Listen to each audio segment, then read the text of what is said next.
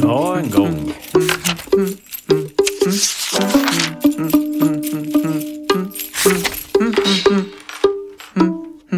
Högläsning på norrländska. Presenteras av Norrlands Guld Alkoholfri. Hej och välkomna till första avsnittet av Högläsning på norrländska. Idag läser vi första kapitlet i en bok om kärlek och att våga vara sig själv. Stolthet och fördom av Jane Austen. Det är en allmänt erkänd sanning att en ogift man som...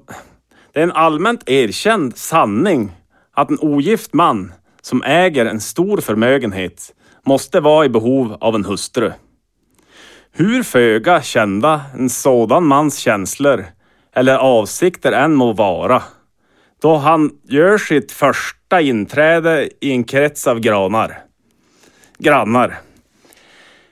Är de kringboende familjen så fast övertygade om denna sanning att han anses som en rättmätig egendom åt en eller en annan av deras döttrar.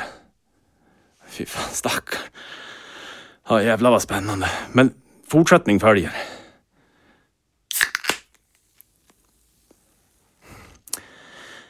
Kära du, svarade hans hustru. Nu är du verkligen dum. Du förstår väl att jag tänker på att han ska gifta sig med en av dem. Är det hans avsikt, då bosätter han sig här. Avsikt? Hur kan du prata så fånigt? Men det är ju mycket troligt att han blir kär i en av dem och därför måste du besöka han så han snart kom. Det tycker inte jag. Du och flickorna kan ju fara dit. Eller du kan låta dem fara ensamma. Vilket kanske vore ännu bättre. Ty du är ju lika vacker som någon av dem och Mr Bingley kanske skulle tycka bäst om dig av hela sällskapet. Kära du, nu smickrar mig.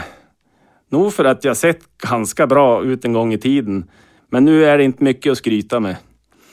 När en kvinna har fem fullvuxna döttrar bör hon verkligen tänka på annat än sitt utseende.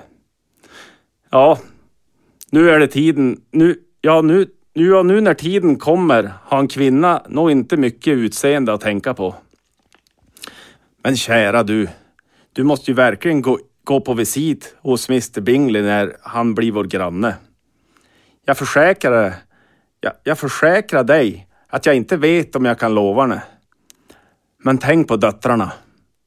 Tänk vilket fint parti det skulle bli för en av dem.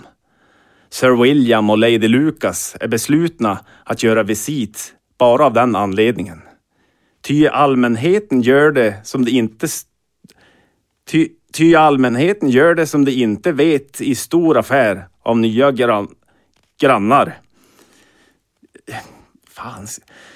Du måste verkligen bekanta dig med honom. För vi kan omöjligt gå på visit hos honom om du inte gör det. Du tar alldeles för högtidligt. Jag är säker på att Mr Bingley kommer att bli mycket glad över ditt besök och jag kan skicka med några rader för att försäkra honom att jag, hjärtans gärna, samtycker till att han gift sig med vilken av flickorna han vill. Fast jag måste lägga till ett särskilt gott ord för min lilla Lizzie. Det är ett fint namn, Lizzie. Du understår det inte så mycket du vet. Lizzie är inte alls bättre än de andra. Hon är inte hälften så vacker som Jane. Eller hälften så snäll som Alydia.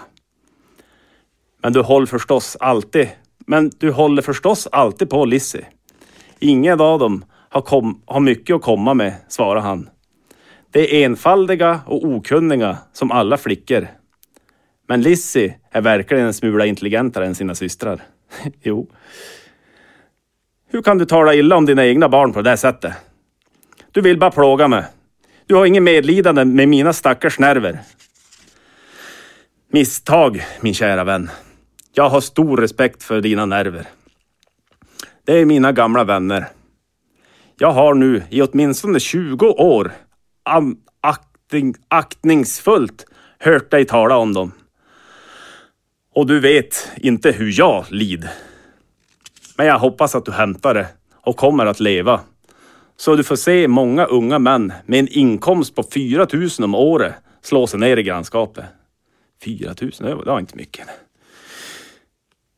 Det hjälper oss inte om du så kommer 20 sådana personer hit när du inte vill besöka dem. Kära du, lita på att jag kommer att besöka dem allesammans när det blir 20 stycken.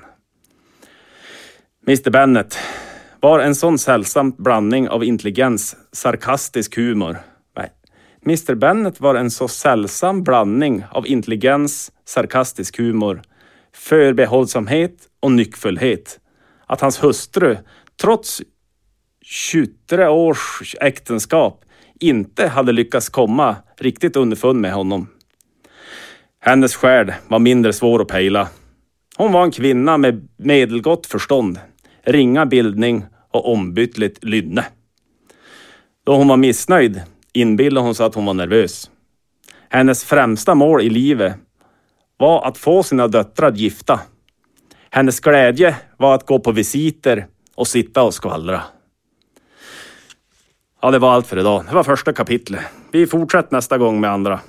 Ha det så bra alla lyssnare där, så hörs vi. Hej! Du lyssnar på Norrlands Radio. Jo.